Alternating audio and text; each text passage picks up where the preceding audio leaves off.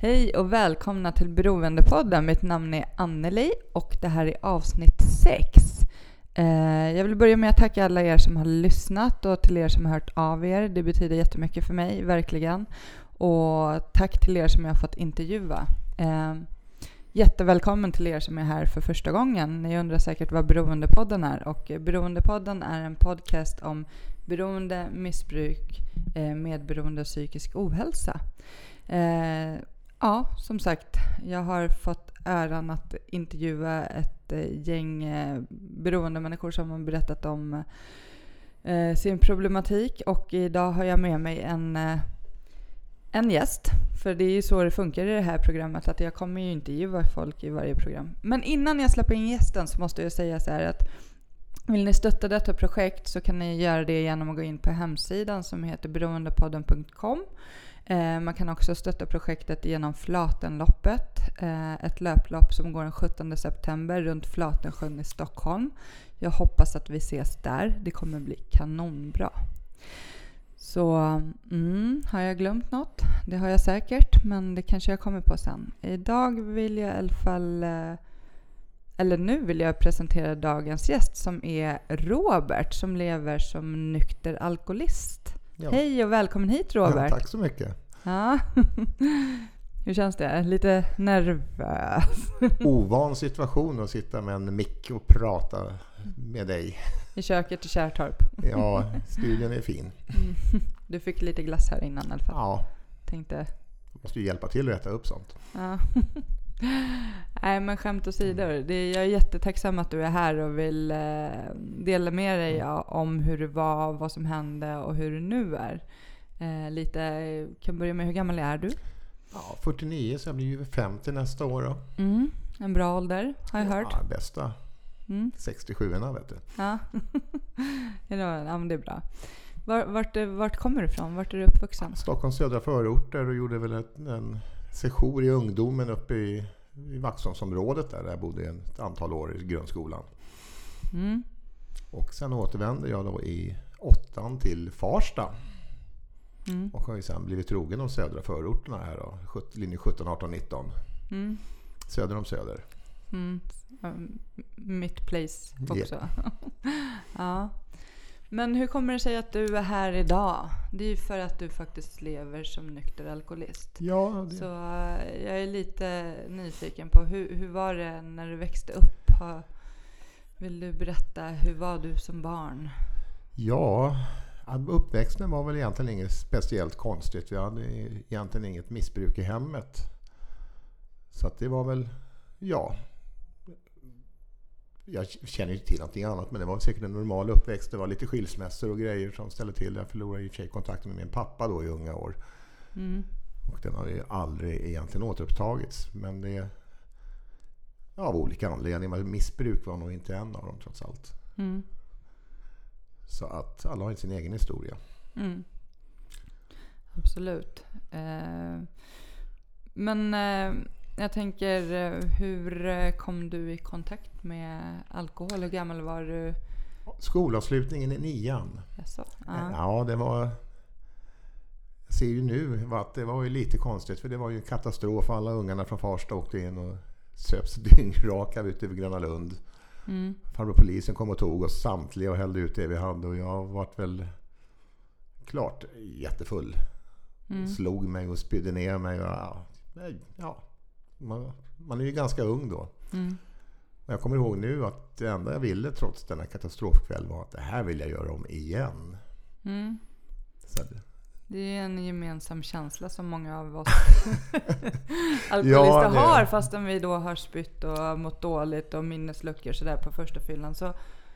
Ja, det var ju bara egentligen en uh, total katastrof som hände. Man blåslagen, nerpissad, alltihopa liksom. Men det här vill jag göra om igen. Mm. Men det dröjde ju några år innan man, man var så pass ung då och hade inte tillgång till alkohol helt enkelt. Men det började, det började där direkt för mig i alla fall. Mm. Den saken är ju klar nu när man tittar tillbaka. Mm. Och sen fortsatte det ju, man vart ju äldre. Och ju äldre man blev, ju mer tillgång fick man till alkohol. Och eh, ja, det var många Jag vart ju alltid så full så jag svimmade, kommer jag ihåg. Mm. Det var ju alltid sovandes någonstans i något hörn. Mm. Och det var ju aldrig egentligen något positivt av det tills jag började jobba på posten kommer jag ihåg i en förort här som troligtvis var det mest alkoholiserade postkontoret i landet. Men vi låg väg i väg med Systembolaget. Mm. Och jag började jobba när jag var 16. Mm. Och vi skickade in en lapp, vi som jobbade på postkontoret, till Systembolaget och fick ut det vi skulle ha. Så vi hade något som hette Lagaronväder då, var och varannan dag, brevbärarna där då. då. Och ja, det var nog inte så normalt då, som 16-17-åring att ha fri tillgång till vin. Nej. Mycket Apollo 3-resor och sånt och det slutade alltid på samma sätt. Men då tyckte man att det var kul. Mm. Och sökte sig genast till de som tyckte det var kul att bete sig så också. Sen kom ju då det militära emellan så att man var ju borta något år och då var det ju inte så mycket. Och sen kom jag ut i det militära och så träffade jag då en tjej. Och vi var ju tokkära och flyttade ihop.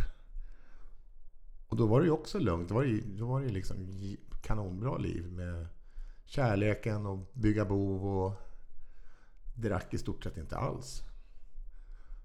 Jag var upptagen med annat, både själ och hjärta. Men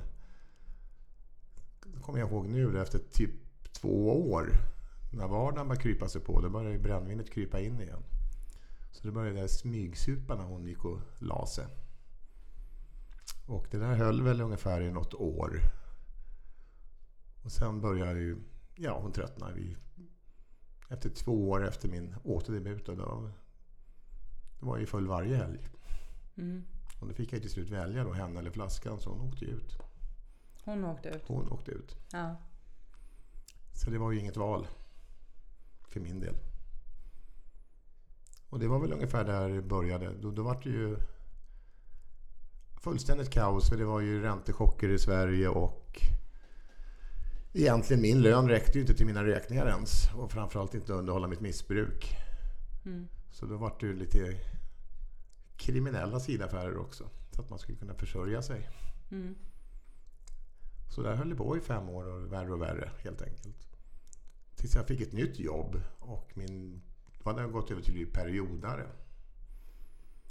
Och eh, min, jag körde in så mycket pengar när jag var nykter så att han köpte att jag var borta fem veckor per år olika tillfällen i mina perioder. Mm. Och det var väl ungefär lika kul som det låter så att det jag gjorde det var ju det att eh, skuld och skam så jobbade jag utav helvete och så var jag full en vecka och rev ner allt. Och så var det konsekvenser så fick jag tillbringa tre månader med att reda upp konsekvenser och hej och hå. Så höll jag på i fem år. Och hade överhuvudtaget inget socialt liv. Så det var väl så mitt liv såg ut. Förstod du inte att du hade något problem då? Eller var, jag tänker du var per, eh, kallar det perioder. Liksom att det, känner man Mådde ju sämre har och så, sämre helt enkelt. Det gjorde, Ja. man, gjorde jag. Mm. Och spriten bet ju sämre och sämre, gjorde inte det det skulle. Och de här perioderna som jag söp vart ju längre och längre. Och Mm. de där jobben vart kortare och kortare. Och det var ju egentligen, sen vart det ju helg, sen vart det ju mer och mer. Och jag jobbar ju som då yrkeschaufför. Så det var väl en dålig kombination. Kan man lugnt säga. Så att eh, det gick väl till eh, Alltså där höll jag på liksom i, fram till år 2003 faktiskt. Då det tog stopp. Då var jag själsligen totalt förbrukad. Då hade jag egentligen överhuvudtaget inga vänner kvar, inget liv.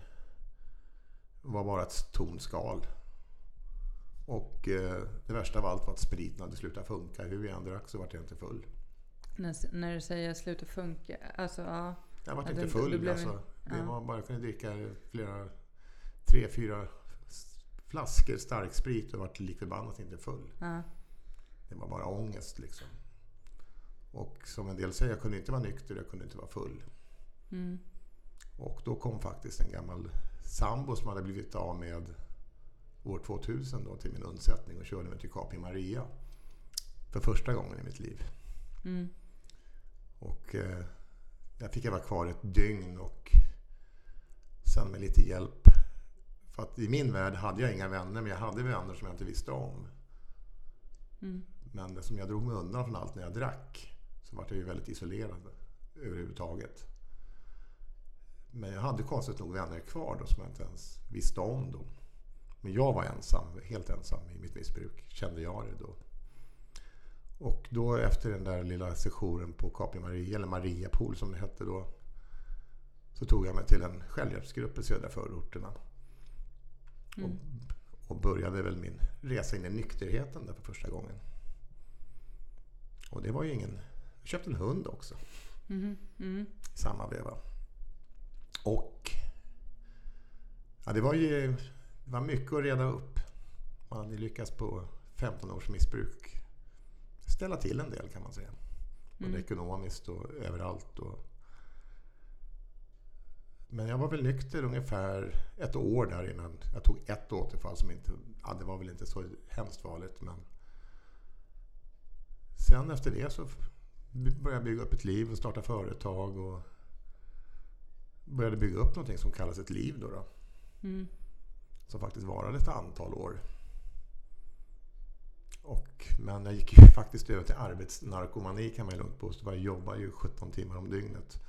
Så det var jag och mitt företag och min hund. Mm. Och så lite tolvstegsprogram däremellan. Då, då.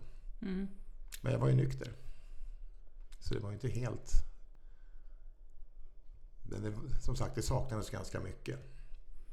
Men jag var trots allt nykter så det var ju en ganska bra tid ändå. Jag hade ett förhållande som faktiskt var väldigt bra.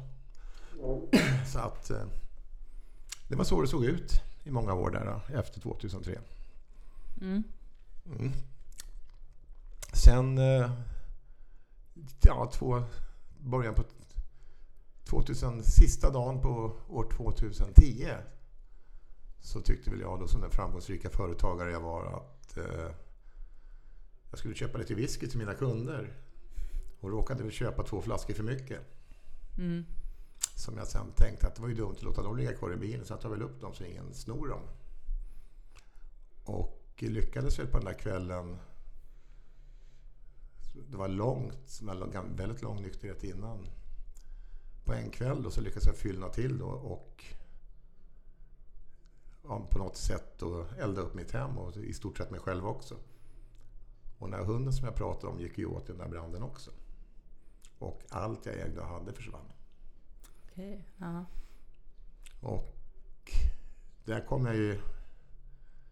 De fick väl liv i mig igen i alla fall hur som helst. Och det jag vill minnas om åren efter det var att jag var helt avstängd känslomässigt. Jag kunde inte ta in det där riktigt.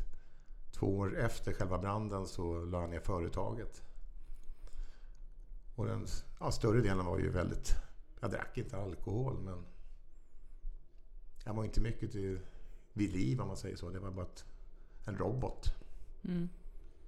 som gick runt. Och jag hade inte en tanke på att göra några, något program eller söka hjälp eller något sånt där. Utan jag gick mest runt och kände ingenting. Tills jag fick tag i en läkare som eh, upplyste mig om att jag nog led av en ganska grav depression. Mm. Och den depressionen var inte vad jag trodde det var. För mig stod alla meter på noll. Jag var inte glad, jag var inte ledsen, inte arg, inte sur, ingenting. Jag var ingenting helt enkelt. Och fick ju lite mediciner mot det där som trots allt hjälpte. Och något år efter jag började med det, då var in i en relation igen. Nej, nu ska vi ta saker i rätta ordning. Jag hade börjat jobba igen som anställd. Men lyckades inte jobba mer än typ tre månader innan jag råkade ut för en arbetsplatsolycka som i, i, i nykterheten. Och lyckades väl slå mig både sönder och samman och göra mig till... Slå sönder ena axeln så att jag inte kunde jobba ordentligt de följande fyra åren. För den var så trasig. Men efter det, då första operationen gick ju bra. Det vart ju... Jag bara hittade tillbaka, jag kunde lugna ner mig, var sjukskriven. Jag träffade på en kvinna igen och vi flyttade ihop. På Mm. tok för tidigt, tyvärr. För det var ju äkta känslor inblandat där också. Men eh, av olika anledningar då så gjorde vi nog lite fel. Vi hade lite för bråttom och då kom den här sjukdomen, alkoholismen, tillbaka i mig. Och jag kunde inte bo ihop med en nykter kvinna och dricka själv. Så jag var ju liksom på något sätt tvungen att göra mig av med henne. Mm.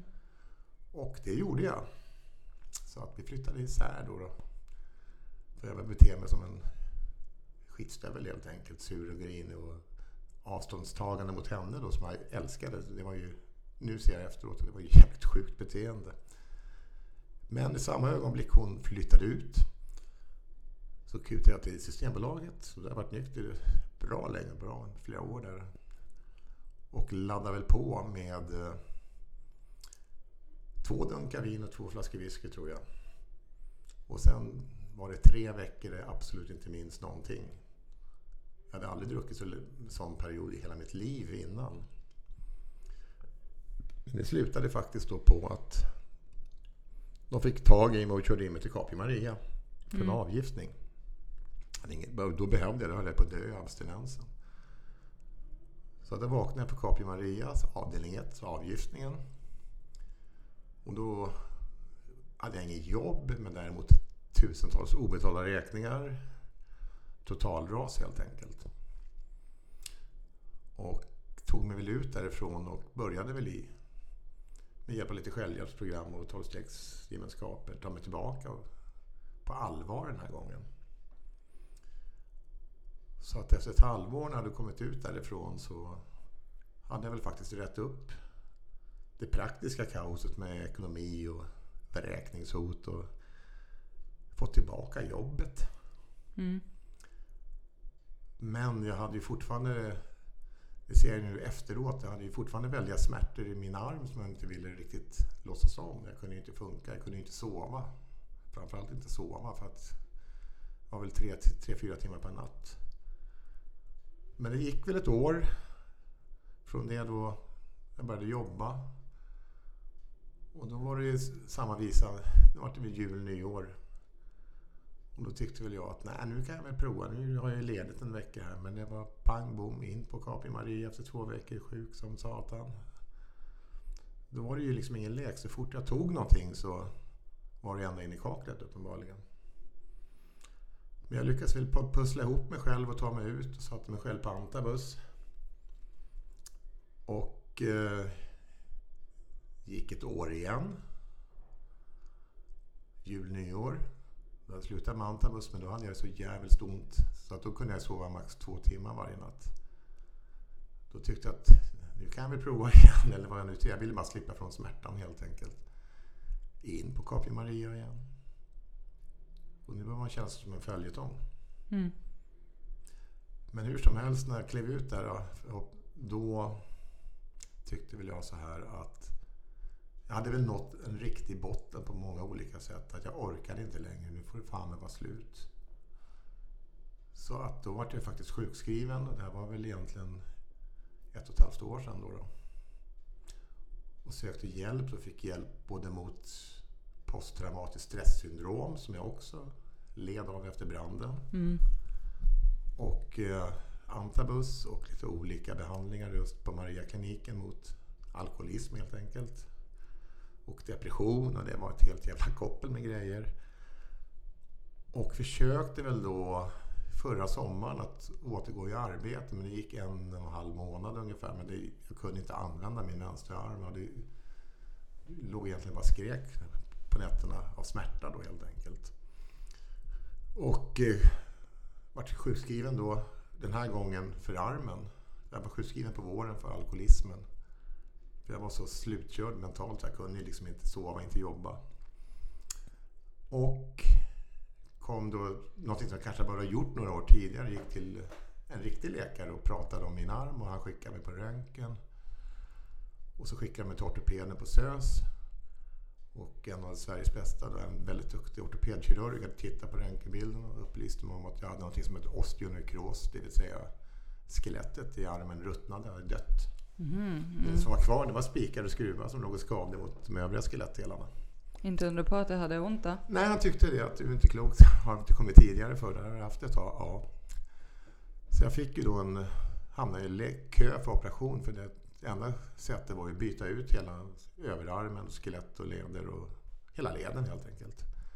Men det tar ju tid. Det tog ju sju månader innan jag kom in på operation. Och då var det nyktert. Och jag, liksom, då hade jag ett mål, men det var ju... Jag upptäckte en gammal kär hobby, då, fotograferingen till exempel, och lyckades hålla mig sysselsatt med det. Och vänner och lite annat träning när jag kunde träna. Och sen den 25 januari i år så var det äntligen dags då för operation. Och jag visste att det skulle krävas enorma mängder smärtstillande medel efter en sån här, för det är en otrolig smärta inblandad efter just en axeloperation, den här. Mm. Och så hade jag väl förberett mig ända ut i fingerspetsarna på att ja, gjort en plan att mina vänner skulle dela ut tabletterna till mig. Jag skulle inte ha, ja, det var en väldigt bra plan. Jag hade pratat med Capri Maria att nu ska jag operera mig och jag skulle få de här jättestarka morfintabletterna. Mm. Var du rädd för att... Uh... Jag hade hört så många andra som hade åkt hit på de där. Då. Uh. Jag hade ju verkligen lyssnat med för. Jag kände ju ja, det där är inte bra. Och de där är starkare än heroin och det är ju ingenting för oss alkisar. De hade liksom. blivit beroende av dem? Liksom. Ja, de hade blivit beroende av tabletterna också. Mm. In på operation. Och eh, fullpump. Det första man fick när man kom dit på morgonen det var morfin i förebyggande syfte. Och jag, ja, jag gillade det direkt. Så där var det kärlek vid första ögonkastet, det kan man ju säga. Mm. Men när man vaknade då efter operation och så är man bedövad med lite sladdar och sånt på nerver så att du kände ju ingenting när du vaknade. Sen på kvällen släpper ju den där mekaniska smärtan, eller bedövningen. Mm. Och riktiga smärtan slår till och det är något otroligt vad det kan göra ont. Och jag var så full, så jag kommer ihåg den här känslan på natten jag vaknade. Det är så ont så jag inte visste vad jag skulle ta vägen. Men jag har aldrig varit så lycklig i hela mitt liv. För jag hade så mycket morfin i kroppen. Och sen började jag direkt, för jag behövde ju tabletterna för det gjorde ont. Det var inget tal om det. Men hela tiden försökte jag bara manipulera till mig mer. Och liksom, jag kunde inte hejda det där beteendet. Jag bara, åh. Man fick dra skalor och jag hade alltid tio och det var så synd om mig. Och... Så även fast jag behövde mycket så ville jag mer. Mm. Och sen skulle ju folk komma och möta mig när jag skulle skrivas ut och hjälpa mig med tabletterna. Som ni hade planerat? Planerat att de skulle ta dem och så ge mig dagsdosen och vi hade en jättebra plan. Men jag glömde bort att tala om att jag varit utskriven en dag tidigare. Mm. Så jag kommer hem med 300 Oxycontin under armen.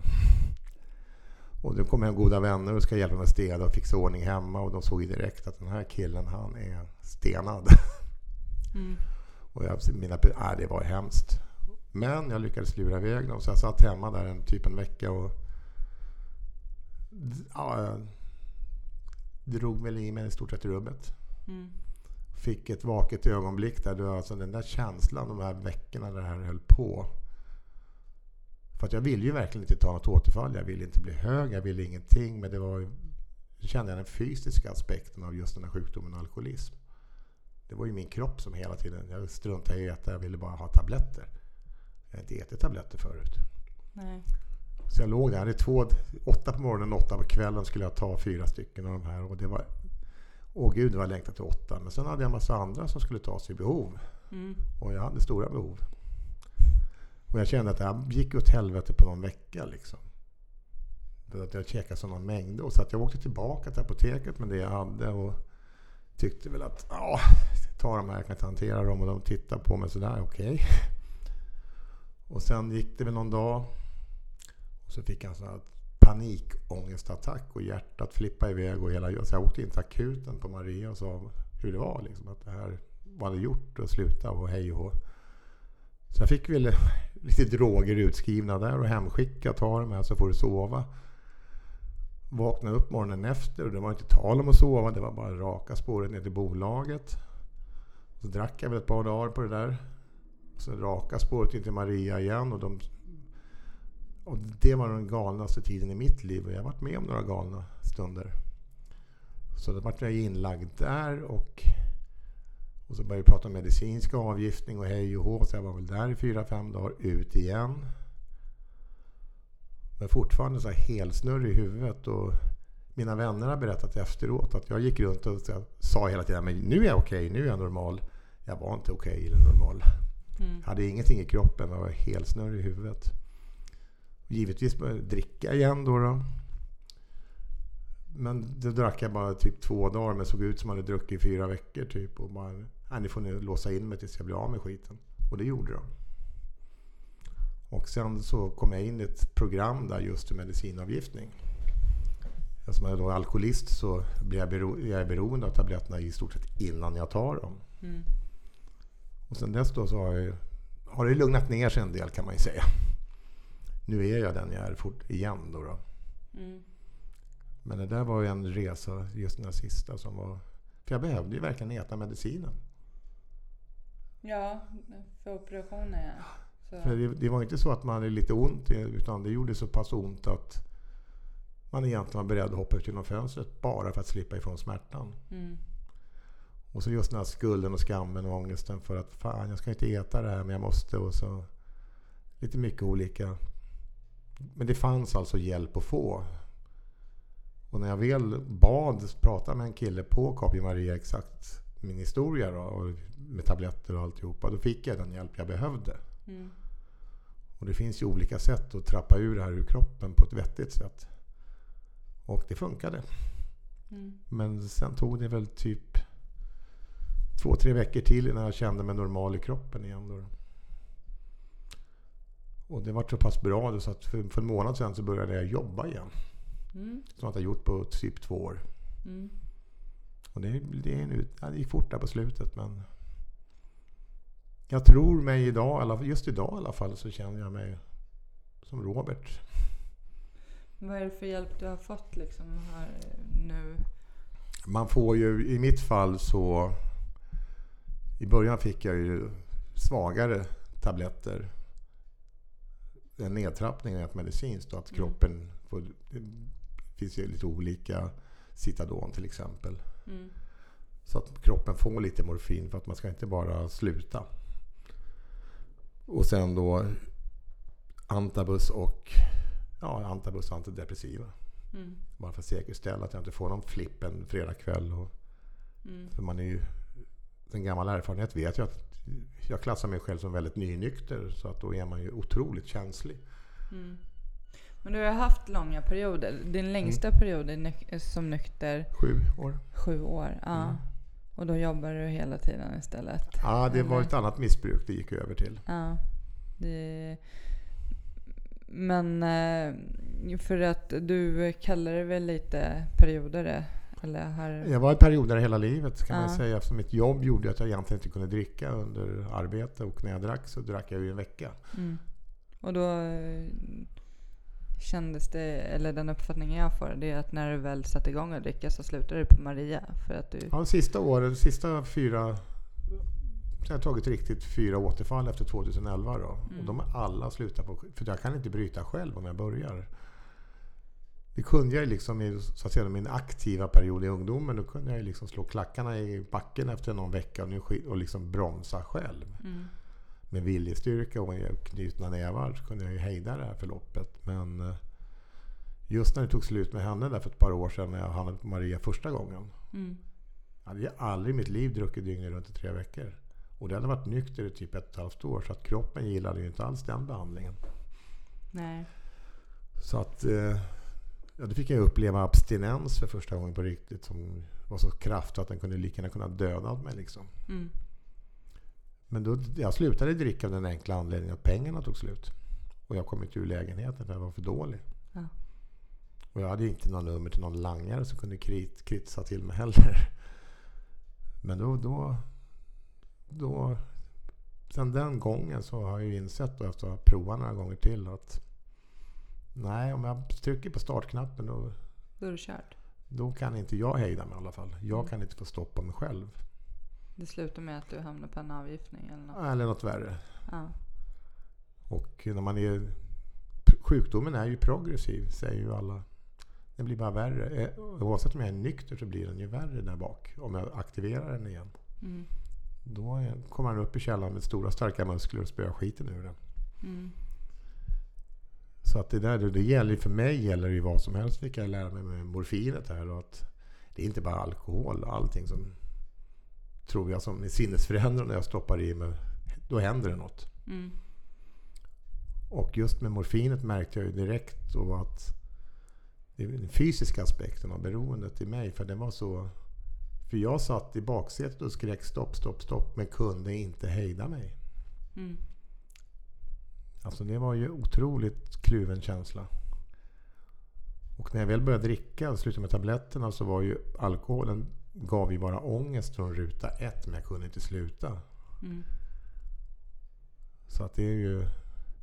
Med, med läkarhjälp så kunde jag ju det då. Men där har vi då sjukdomen i ett... Där var jag helt obegriplig för mig själv.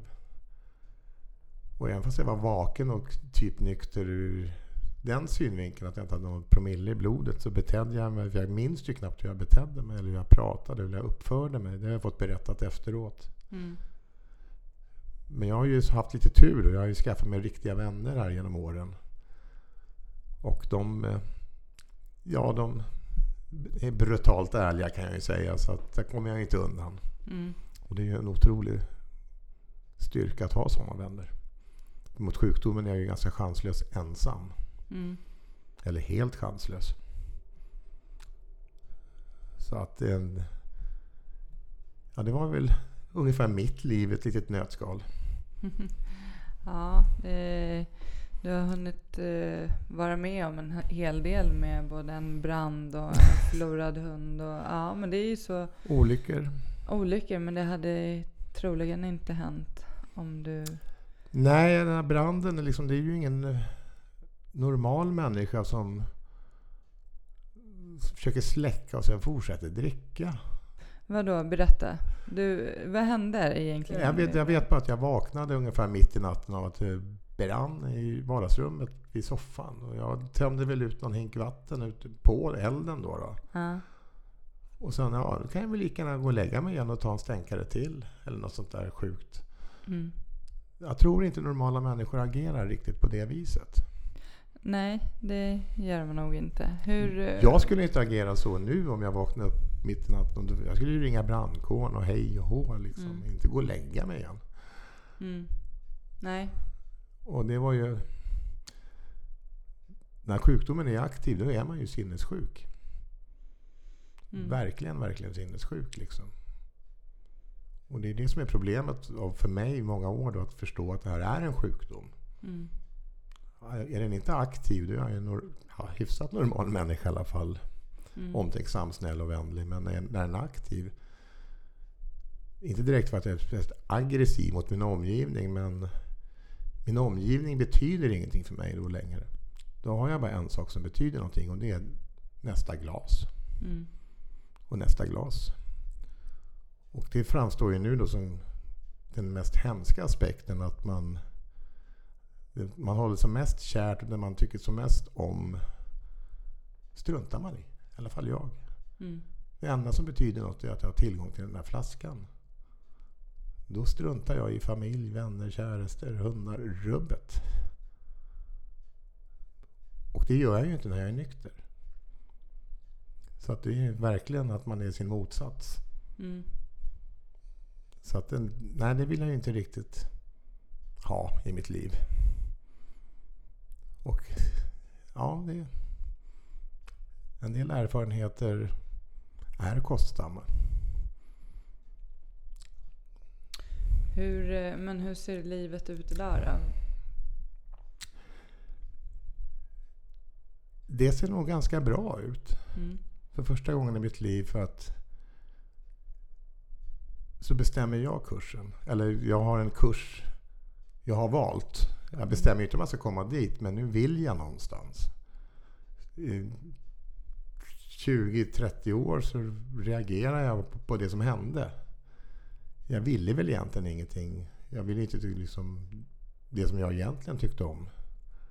Så mina sjukskrivningsperioder har ju lyckats har jag fått tid att ta fram saker jag brinner för, tycker om och gör. Mm. Förr när jag söp då brukade jag sitta i, i min soffa i ett luftslott och tänka ut grandiosa planer på det jag ville göra. Men sen när jag klev ut luftslottet så var det någonting jag aldrig vågade mig på att försöka. Det var ju bara att jag hela tiden reagerade och åkte med som en flipperkula i livet. Och någonting hände, jag gjorde si eller så. Jag tog ju aldrig ut någon kurs själv. Mm. Och den stora anledningen var väl säkert att den som följde mig i så många år, det var ju den här totala, från väldigt unga år, att jag inte dög. Mm. Jag duger inte. Det var liksom, och jag försökte hela tiden få bekräftelse av andra. Och vart en kam- kameleont och det var ju väldigt viktigt att bli omtyckt. Mm. Och håller man på så i några år så vet man ju inte själv vem man är. Jag vågade ju aldrig bli mig. Den jag är för att om jag visar upp mig som jag är så kanske jag blir omtyckt. Då blir jag troligtvis omtyckt av vissa och inte av andra. Mm. Men jag måste ju våga visa mig själv och tycka om mig själv där någonstans. Och det var väl antagligen det, det, var det jag drack på. För att då försvann ju den där hemska känslan av att inte duga. Mm. Och sen råkade jag vara alkoholist då, så att när jag väl börjar dricka då blir det svårare och svårare imorgon att sluta. Så att, och ju mer jag dricker ju värre beter jag mig och ju sämre självkänsla får jag. Så det blir ett, en jävligt ond spiral neråt. Mm. Så att medicinen som botar min dåliga självkänsla gör ju att jag får ännu mindre självkänsla för att jag beter mig på ett sånt sätt. Så att det är ju väldigt svårt att tycka om en aktiv alkoholist. Mm. Det är en, den människa som egentligen är omöjlig att älska. Så då blir det en spiral neråt. Och det blir jobbigare och jobbigare att bryta. Utan det är som det, när man säger det, man måste slå i botten. Att precis vad som helst är bättre än just det här. Och då måste man ju dit. Man kan ju höja upp botten kanske men som jag säger, läget idag så tycker jag nog faktiskt att jag duger av egen kraft så att säga. Jag behöver inte ha... Det är klart jag tycker om att folk... Jag kan inte ha komplimang idag Mm. utan att springa och ducka men det är inte det viktigaste liksom att få gillande av andra. Utan det, det blir liksom en positiv konsekvens av att jag lever som en ärlig människa till exempel. Att jag säger vad jag tycker, står för det jag tycker. Och konsekvensen då blir ju att jag blir omtyckt av vissa. Mm. Så att det där, men jag gör det ju inte för att bli omtyckt. Det är det som det kan vara svårt att förklara den där skillnaden då. då. Men det är en väldigt fin känsla att bli omtyckt för den man faktiskt är. Mm. Inte den här masken jag sätter upp. För en annan grej i missbruket är ju att för min del, det är ju alla lögner och att man går runt och känner sig som en fake. Mm. Och det beror nog väldigt mycket på att man faktiskt är en fake. Jag som jag aldrig vågar visa upp mig. Jag visar upp en mask hela tiden, då är jag ju en fejk. Och det, ju längre det där går, desto svårare och svårare blir det att bryta den där masken. Så att det där är ju... Ja, ja, jag hade ju absolut ingen självkänsla förut. Idag är jag väl lite. Jag kan inte påstå att jag är kär i mig själv direkt, men jag tycker nog att jag är ganska okej ändå. Jag törs ju se mig själv i spegeln i alla fall utan att slå ner blicken. Och det blir fan så mycket lättare att raka så kan man sig. Mm. Men har du, har du jobbat med självkänslan på något speciellt sätt eller? Ja, det har jag ju faktiskt gjort genom att jag har människor som jag ser som mina mentorer, eller i alla fall en då som jag har tagit lite grann, jag har tagit rygg på andra människor som har gett mig tips och råd hur man ska göra. Mm. Handla liksom. Att, det finns ju sådana här fåniga knep som man tycker, men titta dig själv i spegeln och säg ja men du är en schysst kille liksom på morgonen innan du går hemifrån. Mm. Det låter ju skitfånigt. Men man lurar sig själv. Till slut tror man på det. Absolut. Och sen att helt enkelt har jag ju fått tips. Ja, men gör någonting för andra människor utan en tanke på dig själv. Mm. Vänd på tänket. Släpp sitt e- eget För ego. mitt ego, alltså ego är ju väldigt mycket för mig. Alltså att om jag sitter hemma och självömkar och tycker synd om mig själv. Det är ju egot. Mm. Jag gillar ju att tycka synd om mig själv. Och vill få andra. Men om jag försöker ägna min kraft och energi åt att faktiskt göra någonting för andra människor oavsett vad det är. Mm. Då har inte jag så mycket tid att vara egoistisk. Eller egot. Så att det där är ju... här klichéerna man hör, det är bättre att älska än att bli älskad och det är bättre att ge än att få. Det är genom att ge du får. Mm. Det stämmer. Mm. Det är ju liksom... Det är ju så den här paradoxen är. Om jag bara vill ha, då får jag inget. Men om jag ger, då får jag. Mm. Och det är ju det är en mycket trevligare känsla att mötas av leenden och att jag startar varje morgon med meditation och försöker helt enkelt, om jag vet att jag ska möta en människa idag som jag tycker, åh den där vill jag absolut, den jävla skitstövel och bla bla, någonting, att jag vet att det här är en jobbig människa. Mm. Så försöker jag ställa in mig själv på att nej, jag ska möta hen med ett leende på läpparna och liksom, jag ska göra det bästa för att vara så trevlig som möjligt. Och lyckas jag med det, för det enda som händer om jag är irriterad, det är att jag mår dåligt. Mm. Men så att jag börjar varje morgon med liksom att jag försöker ställa in mig själv på att jag ska göra någonting bra för min omgivning idag. Att tillföra någonting positivt. Mm.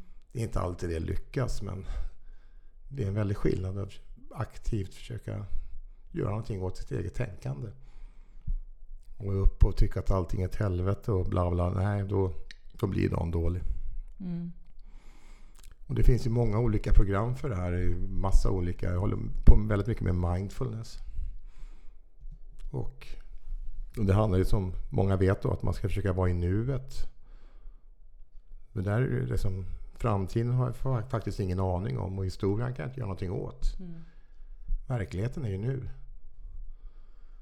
Och där finns det ju en mängd olika tekniker för att komma till nu. Mm.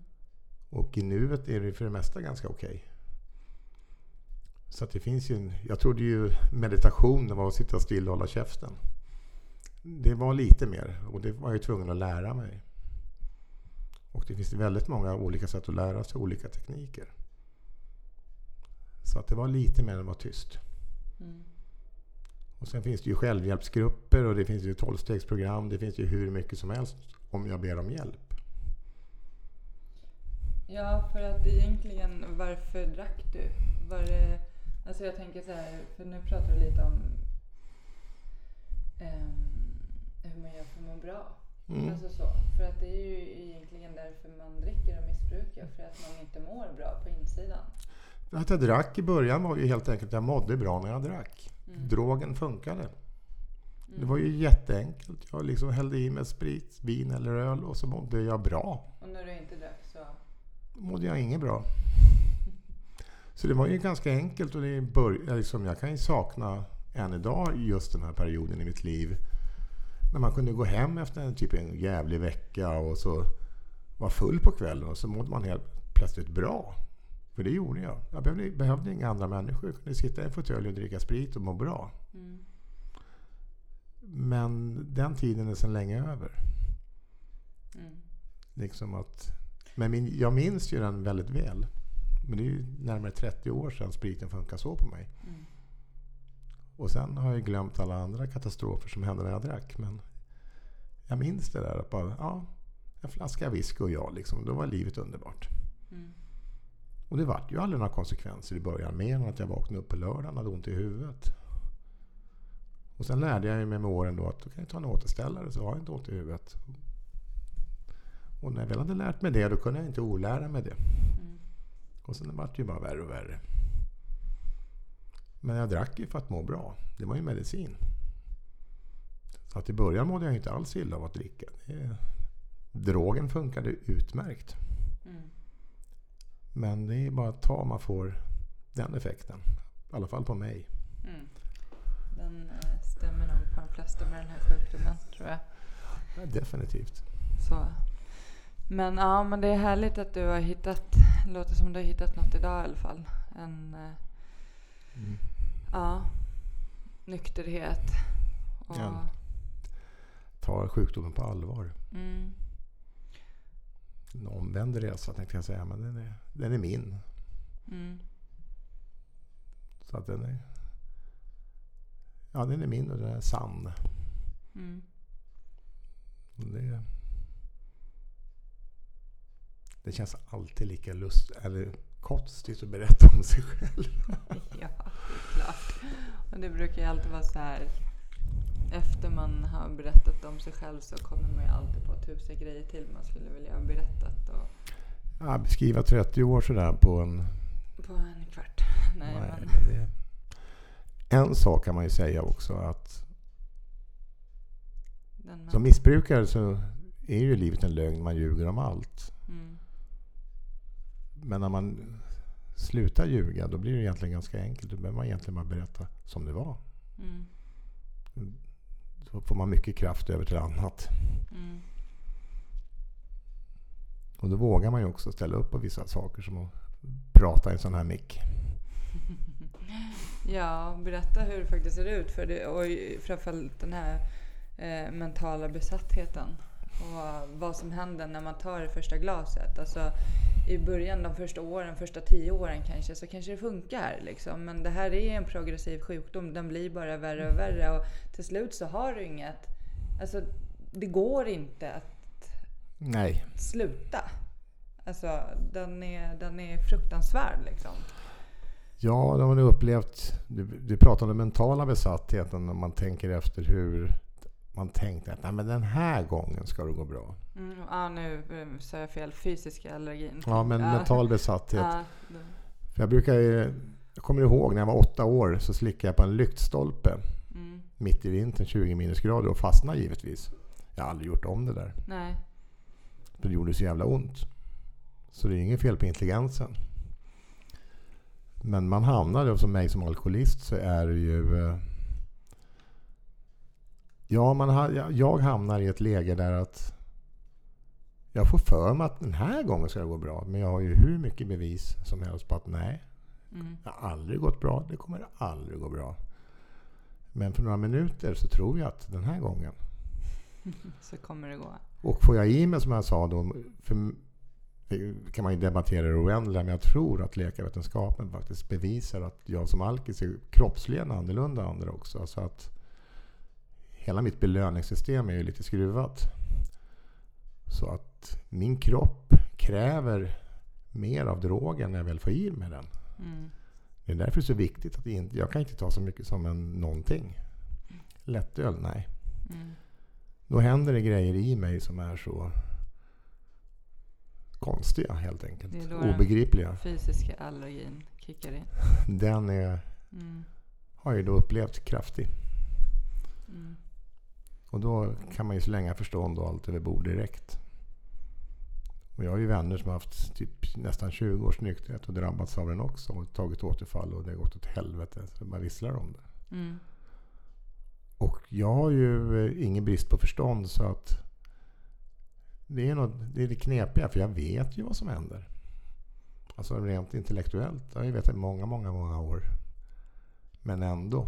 mm, den, och då måste jag ju faktiskt jobba med mig själv hela tiden. För jag är ju sjuk 24 timmar om dygnet, eller latent sjuk. Och det krävs inte så mycket för mig att sabba allt igen. Det är bara att ta ett glas. mm, Men så länge jag är medveten om det och erkänner mig som den alkis jag är så tar jag ju inte det där glaset. Och det gick ju bra idag med. ja. Så tar man ett nytt beslut imorgon. En dag i taget. Ja, vi satt och pratade om det, jag och en god vän igår, att man förr, för många år, när man så att säga, var höggradigt aktiv, då tänkte man att jag slutar imorgon. Nej, imorgon kan jag sluta.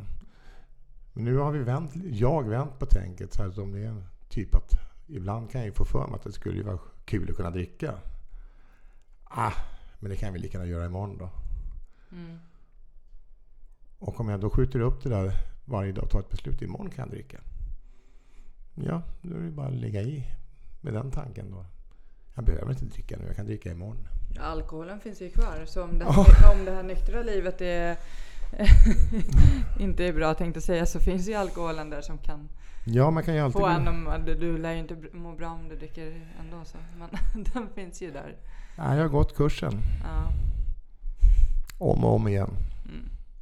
Du har testat och testat och testat. Ja, det jag har testat, jag tror jag har stängt, jag hoppas jag har stängt de flesta dörrarna för att jag kan inte se Nej, det finns ju, och egentligen så är det ingenting jag vill ha. Nej. Jag vill ju ha det jag har nu, det som kallas känslor och liv. Mm. Det är, det är känslorna som har ställt till det för en, just rädslor. Och man kan ju prata om det här oändliga då liksom. Men, och som har varit, haft en depression som jag faktiskt har kommit ur. Mm.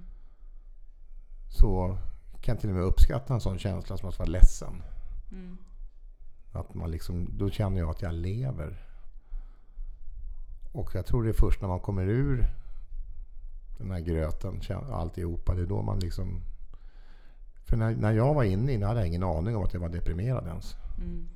Och sen kan det vara om jag super mig till det eller om det har kommit av andra anledningar. Det är ganska ointressant. Depressionen är ju vad den är ändå. Mm. Och då har ju min hjärna som sagt en lösning på det problemet. Och eh, det skapar ju ännu mer depression. Mm. Så att det är ju bara en spiral neråt. Men det finns hjälp att få. Man måste, jag var tvungen att ta till alla knep och knåp och läkare, psykologer och självhjälpsgrupper och vänner och bekanta. Och Mm. ungefär allt jag hade att tillgå. Och jag var ju beredd att göra det först när jag la mig platt och kapitulerade. För att be om hjälp, det var inte min starka. Det var ju det yttersta tecknet på svaghet i min tankevärld. Mm. Så jag kunde kuta runt på ICA Coop byggmarknad i fyra timmar för att jag ville inte fråga någon var just den och den skruven låg. Så att det skulle, nej men det, sån var jag. Jag ville inte, jag skulle klara allting själv. Mm. Och det, en del grejer klarar jag själv och typ borsta tänderna och sånt där. Men när det gäller med alkohol, droger och sådana prylar så jag, nej. Då klarar jag mig inte själv. Mm. Och idag så har jag sån tur att jag behöver inte vara själv. Har hur mycket, det finns ju hur mycket hjälp som helst för mig att få. Så länge jag ber om den. Mm. Det är väl egentligen den största skillnaden. Ja. Ja, Och sen vet jag att du också hjälper andra. det blir ju eh, en konsekvens... eller En, det är, ja, det är nog faktiskt det bästa jag vet. Och genom att hjälpa andra så hjälper man sig själv. Det blir ju det här motsatsförhållandet då, då att, eller paradoxen. Mm. Jag ger, alltså får jag. Mm. Ja men så är det. Och då, Ja, vi ska börja runda av nu. Eh, jag är jätteglad att du har kommit hit och delat med dig av eh, din historia och din erfarenhet och jag önskar dig all lycka till. Men innan vi avrundar så tänker jag något du vill avsluta med. Nu känns det ungefär som att jag har fått ur mig allt jag har och få ur mig just nu. Så skulle jag fortsätta prata så blir det det som kallas svammel. Ja men då avslutar vi här. Det tycker jag vi avslutar här. Så, Men tack så jättemycket ja, tack själv. Ja, Det här var ju något nytt, men tack.